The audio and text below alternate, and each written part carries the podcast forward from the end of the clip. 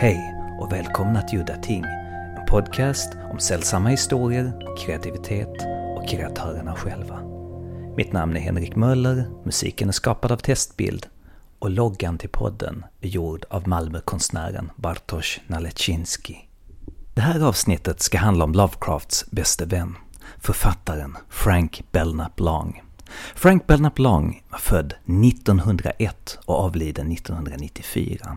Han var alltså en författare som trots två rätt så roliga skräcknoveller, The Space Eaters och The Hounds of Tindalus, i slutändan ändå förblev mest känd för att ha varit H.P. Lovecrafts vän. Vilket störde honom mer och mer allt eftersom tiden gick. Och han levde ju länge, som ni hörde. Hela 92 år gammal blev han, medan Lovecraft dog redan vid 47 års ålder. Men nu får jag ge Frank lite cred för det han faktiskt ville bli känd för. Franks två bästa, enligt vissa endast två bra noveller, The Space Eaters och The Hounds of Tindalos. The Space Eaters två huvudpersoner, Frank och Howard, kanske nu löst baserat på Long och Lovecraft, mycket roligt. I alla fall riktigt roligt eftersom Lovecraft-karaktären framstår som absurt dryg, excentrisk och känslokall. Hur som helst så råkar de ut för en märklig varelse som faller ner från träden och borrar sig in i folks huvuden där de äter allt där inne tills det blir ett tomrum. Historien är värd att läsas för sin atmosfär och bitvis komiska vansinnesinfall. Faktiskt så är den rätt läskig, i alla fall till en början. Frank Longs andra bra historia, The Hounds of Tindalos, återigen heter berättaren Frank och han har en vän, Chalmers, som är okultist. Chalmers berättar att tiden som vi uppfattar den är en illusion och allt händer samtidigt hela tiden, fast i olika tidsdimensioner. Han ska alltså utföra ett experiment och han vill att Frank ska vakta honom medan hans sinne färdas genom tiden. Under den här resan så stöter Chalmers på ett odjur som får vittring på honom och börjar jaga honom genom tid och rum. Odjuret, en Hound of Tindalos, kan materialisera sig ut från vilket hörn, vilken vinkel som helst i ett rum och Chalmers, nu galen av desperation, börjar försöka utplåna alla vinklar i sin lägenhet medan han förbereder sig på attacken.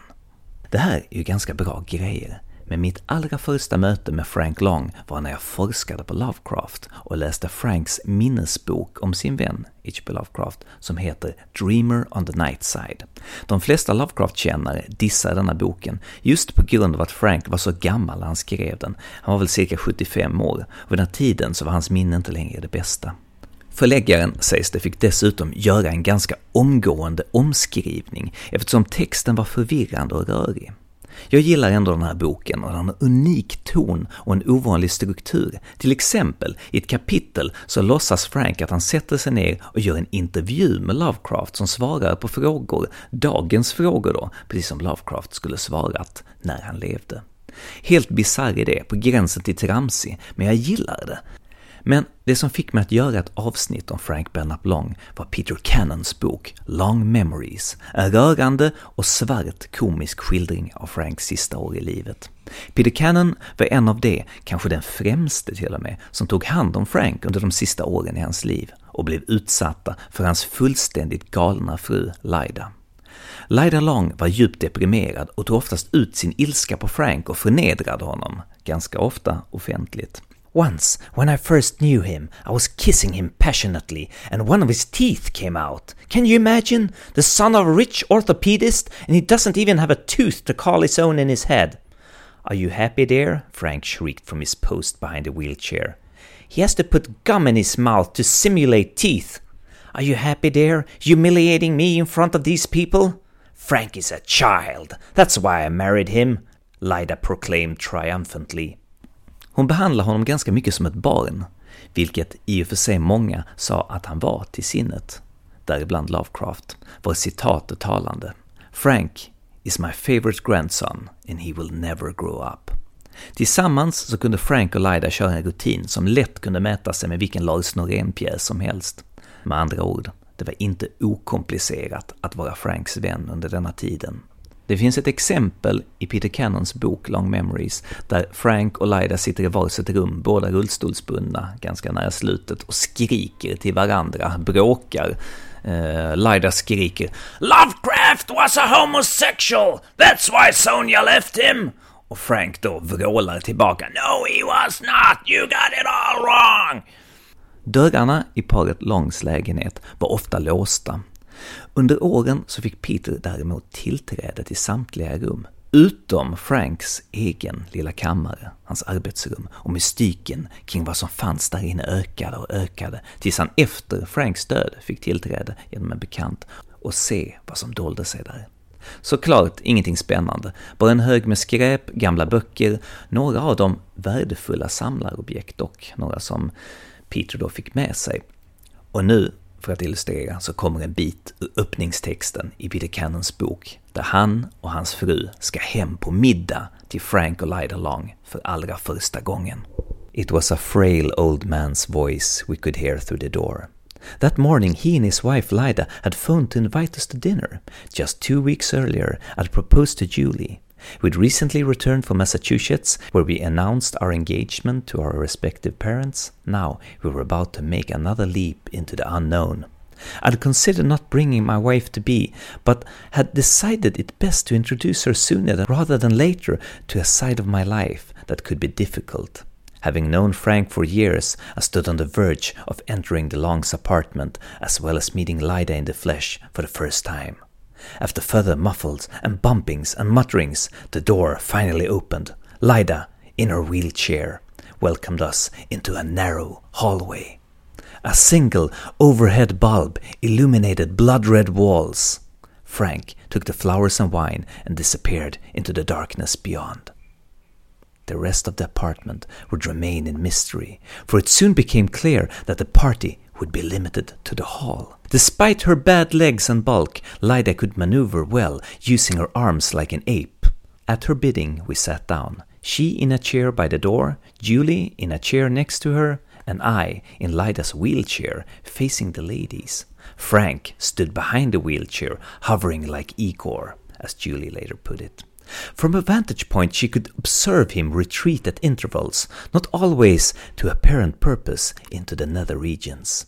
We declined a partly filled glass of vodka proffered by Lydia, instead accepting from Frank an empty, less than sanitary looking glass in which we poured vodka and orange juice. Aida berättade alltså att flaskan vin som paret Cannon hade med sig inte gick att öppna därför att de hade inga korkskruvar hemma just på grund av att de var så gamla och eh, slitna så de kunde inte använda en korkskruv. Så de helt enkelt bara slängt alla sina korkskruvar. Så det blev alltså vodka till dricka istället. En fantastisk scen att bli bjuden på middag i en lång, trång hall där endast två stolar finns, där kvinnorna fick sitta och Peter fick sitta i Lydas rullstol och Frank då blev stollös, fick stå bakom Peter i rullstolen hängandes över honom som han sa som Igor. Och det kan man tänka sig, det är ganska svårt att föra en konversation med en person som när man själv sitter ner står upp bakom en och hänger över en.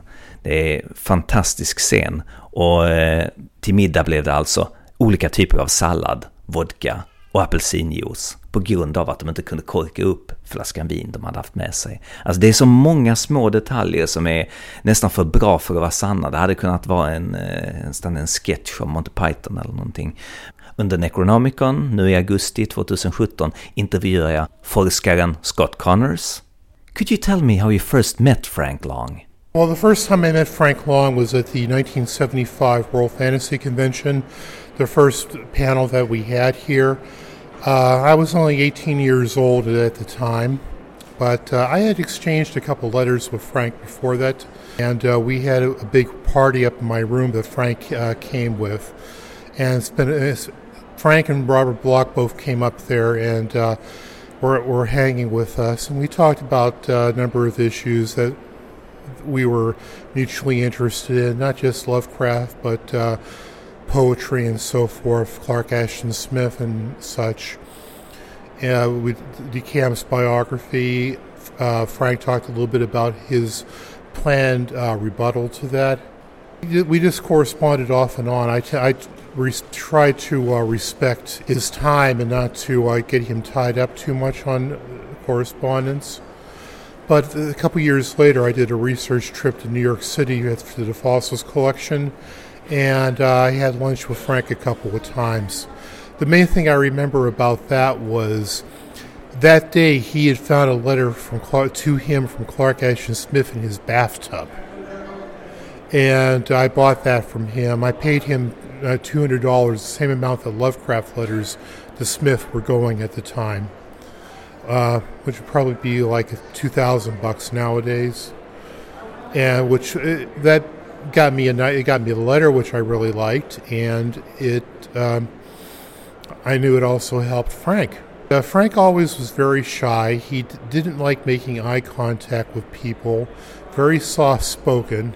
He got uncomfortable talking about himself he also never he never let anybody into his apartment. Part of that was due, to, I think, to the fact that uh, he and Lyda were not the best housekeepers at the time. I mean, he found a letter from Smith in pile of papers in his bathtub. We, I mean, we talked about uh, his story, Second Night Out, which he was very proud of. He uh, mentioned to me that he had just sold it, uh, it had just been anthologized for like the umpteenth time that had him very that had him very happy. Uh, I remember we also discussed some of the some of the Gothic novels he'd written, both under his own name, like Hour of the Wolf, or, and some that he wrote, wrote under Lyda's, which he was kind of deprecating. You know, saying that he just they were pot boilers to make money and stuff. Frank was Frank was a very kind gentleman. He was always very generous with his time. Uh, he, he treated young, uh, basically a young kid with uh, respect. I think he was like him paying back the way Lovecraft treated him. Jag håller väl inte riktigt med där. Jag tyckte väl att Lovecraft ibland var lite väl, eh, klappa Frank lite väl mycket på huvudet. Men eh, Frank sa det i sin memoar om eh, Lovecraft att han eh, accepterade det. Han sa att om han hade sagt till Lovecraft och skarpen så hade han nu slutat att klappa honom på huvudet.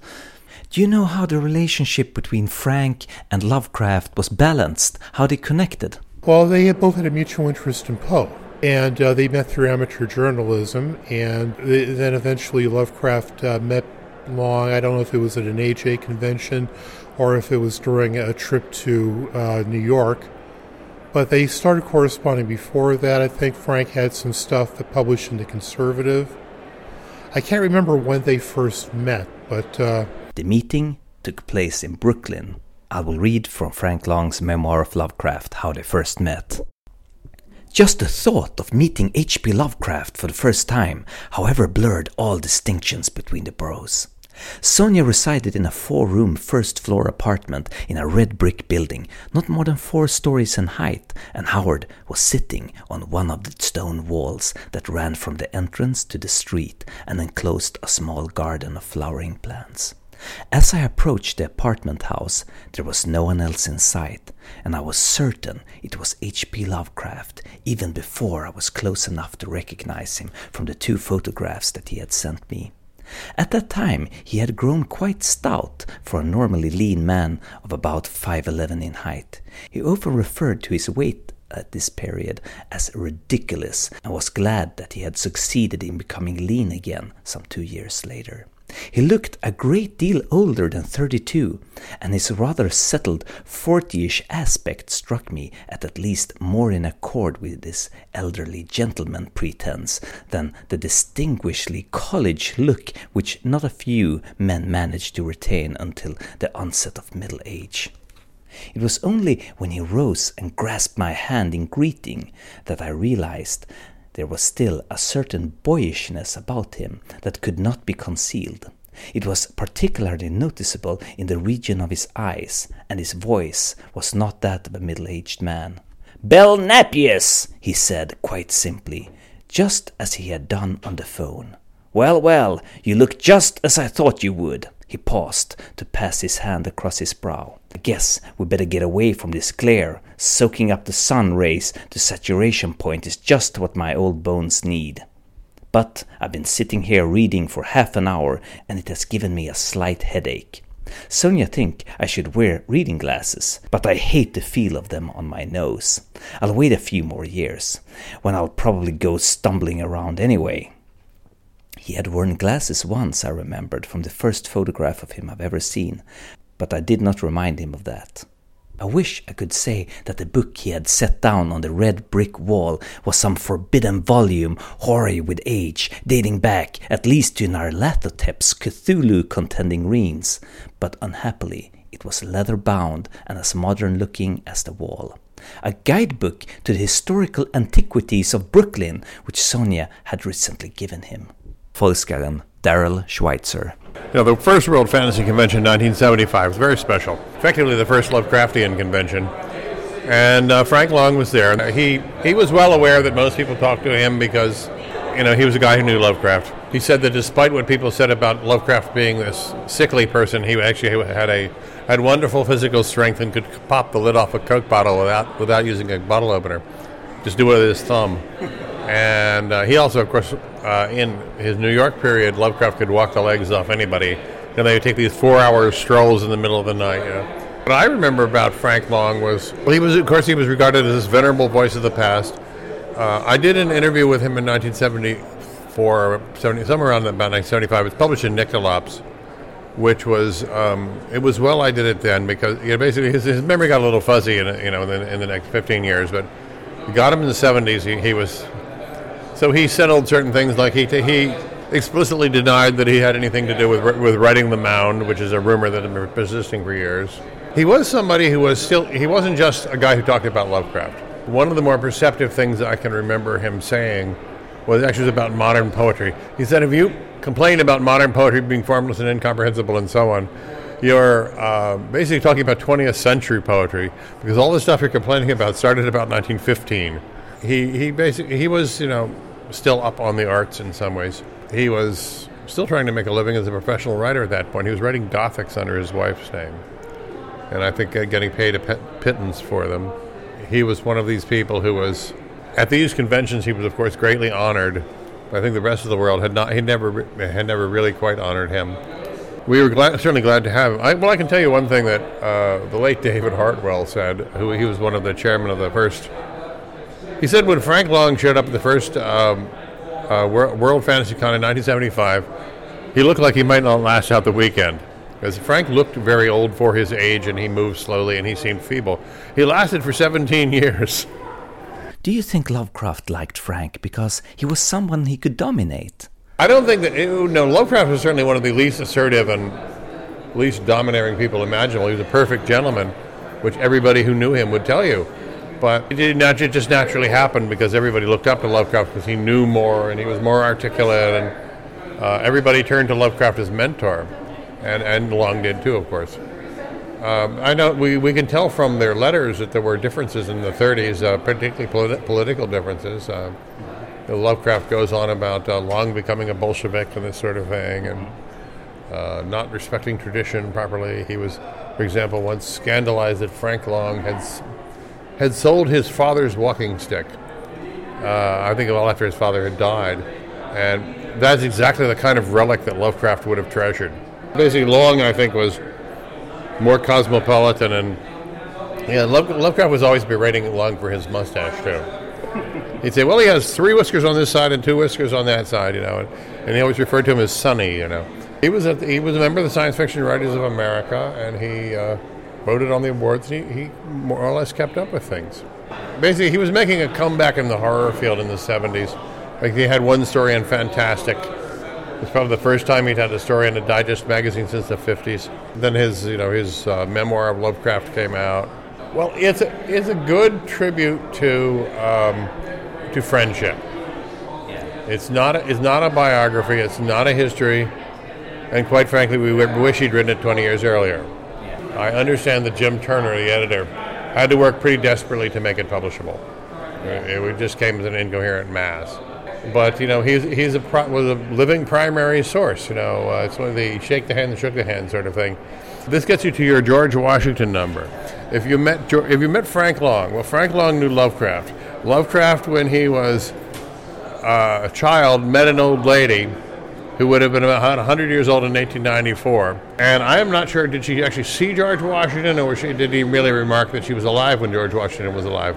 But anyway, so you, well, the result is if she saw George Washington, which she could have, that means your George, the, my George Washington number is four. Yours is five. Lovecraft was fascinated by this kind of links through time. You know, of course, it's one of his great themes. So, as a writer, he tried to, um, well, he, he ha- had an obvious need not to be Lovecraft, not to be in Lovecraft's shadow. I don't think he ever completely succeeded.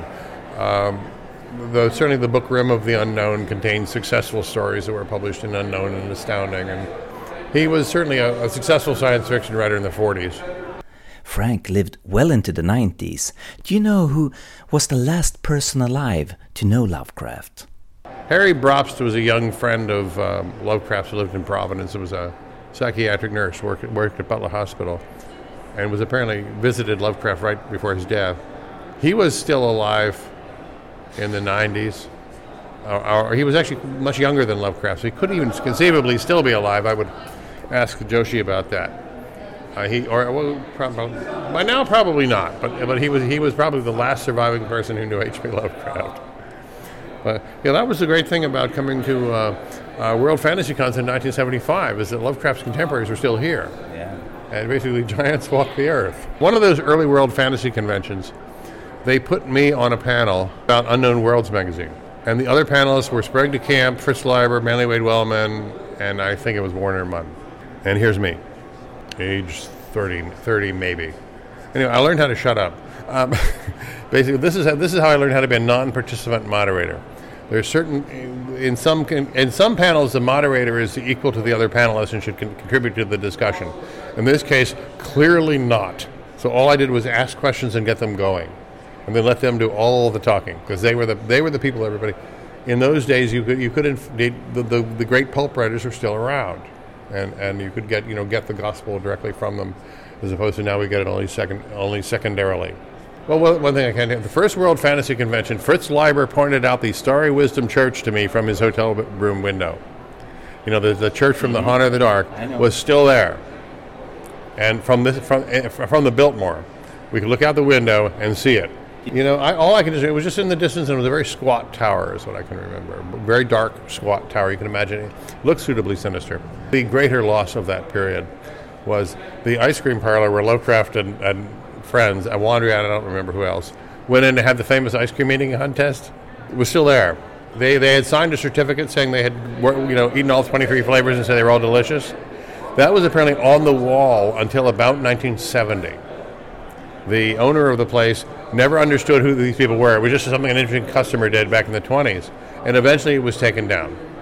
And the local people told me that that thing had actually, the, the, the, certificate had been on the wall until about 1970. Can you just imagine if it had survived into the era of World Fantasy Conventions? It would have been pilgrimages and reenactments. It would have kept the place going.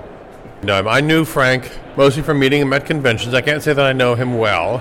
Person who knew him well was Peter Cannon. He's the one you want to talk to. Jag försökte länge få tag i Peter Cannon under hela första säsongen av Udda Ting, men utan framgång.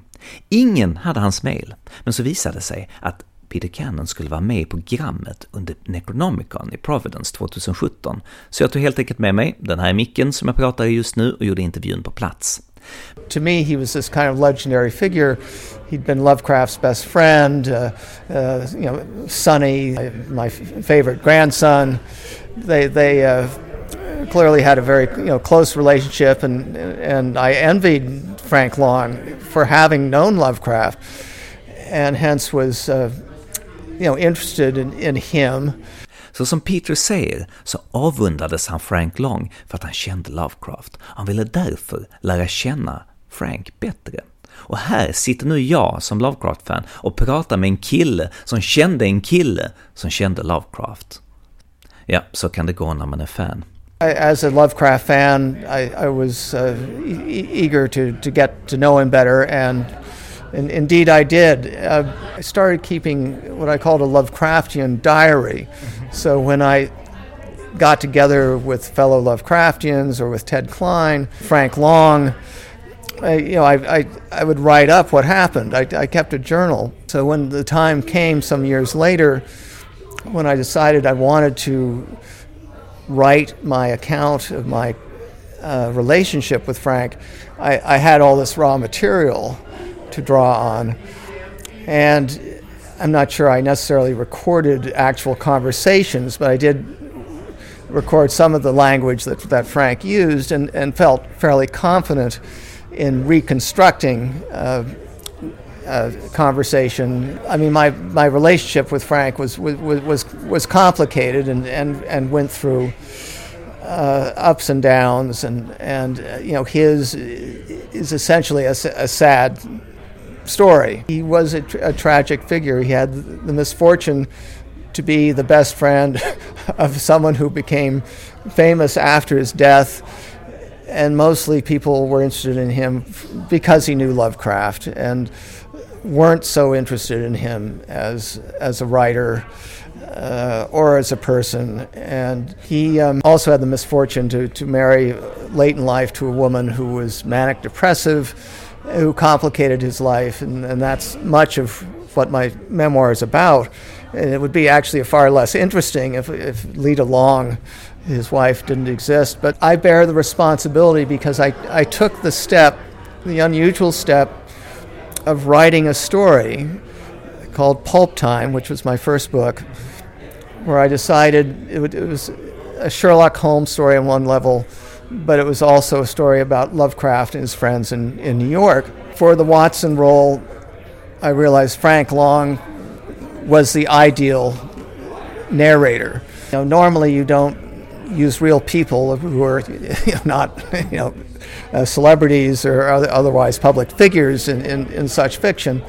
So part of the memoir is the story of how I approached him and got his permission and wrote the story, and which on, on the whole he, he, he approved of. But it, the result was I was dragged into his life in a way that I had never anticipated. In your book, I think it was S.T. Joshi or somebody that makes a remark uh, that for being Lovecraft's best friend, Frank is not very interesting I think that's fair to say.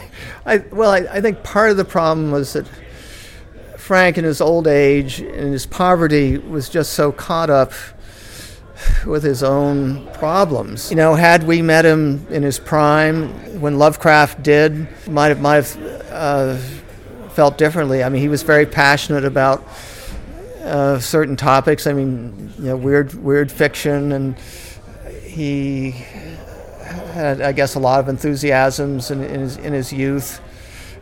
I, I, I, could I could see had I been a contemporary of his, probably you know liking him as much as Lovecraft, but there was this constant thing that Frank was a lifelong child, and that's why he could never make it in society. He's, he's unfortunately an example of someone, and Lovecraft saw this coming. Who he had a comfortable middle class life. He lived at home with his parents for years until first one, then the other died. And he didn't really have to work. And then all of a sudden he did. And for a while, he could make a living by his writing and editing. But, you know, the pulp magazines died, and he was doing original paperbacks. And then, you know, sad to say, he just didn't have the talent.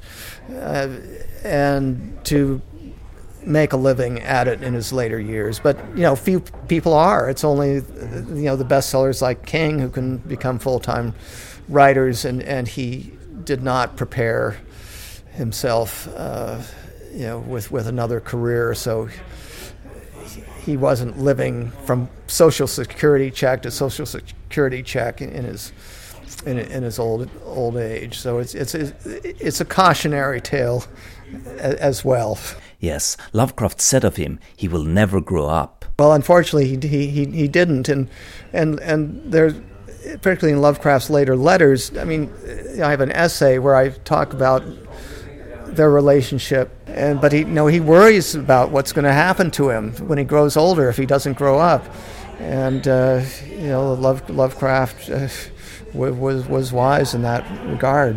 Uh, he, he knew his friend was in potential trouble, and so it turned out. And you know, Frank had the misfortune in a way to, li- you know, if Lovecraft died too soon, uh, you know, long lived too long. What's your last memory of Frank? The end. I I, I actually cut off after one particularly bad uh, experience. You know, evening at the Longs. I, I, I, I said, you know, this is it. I'm, I'm having no further uh, contact with, with, with Frank. And that, part of this was to please my wife. Mm. So probably my last memory would have been unpleasant one that wasn't particularly memorable. And fortunately, Frank died, you know, maybe within a year of the last time I may have seen him. Died poor and, and, and lonely. Uh, and, you know, part of it did, did, did, lonely? Did he separate from his wife? No, they he never no, separated, but but he still was getting attention from from uh, fans, fan friends, and there were people who were genuine friends. You know, he valued that company. After all, in his 80s, so most of his contemporaries were, were, were dead when some of us cut him off. You know, he su- he suffered, and so you know, I I feel a certain amount of guilt about how I behaved. Um, but on the other hand, uh, I, more than perhaps most people, went out of my way to befriend him and do what I could for him. After having read your book, I can say that few people on this earth would have put up that what you put up with for so long. So I don't think you should feel bad, rather the contrary.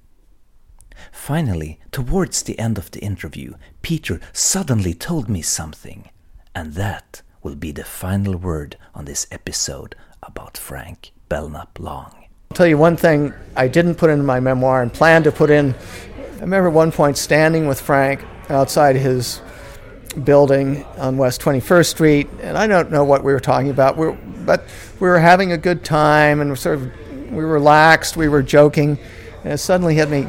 Now I know why Lovecraft liked Frank at his best, he could be charming, engaging friend. And I thought, you know, this is something I'm, I'm sharing.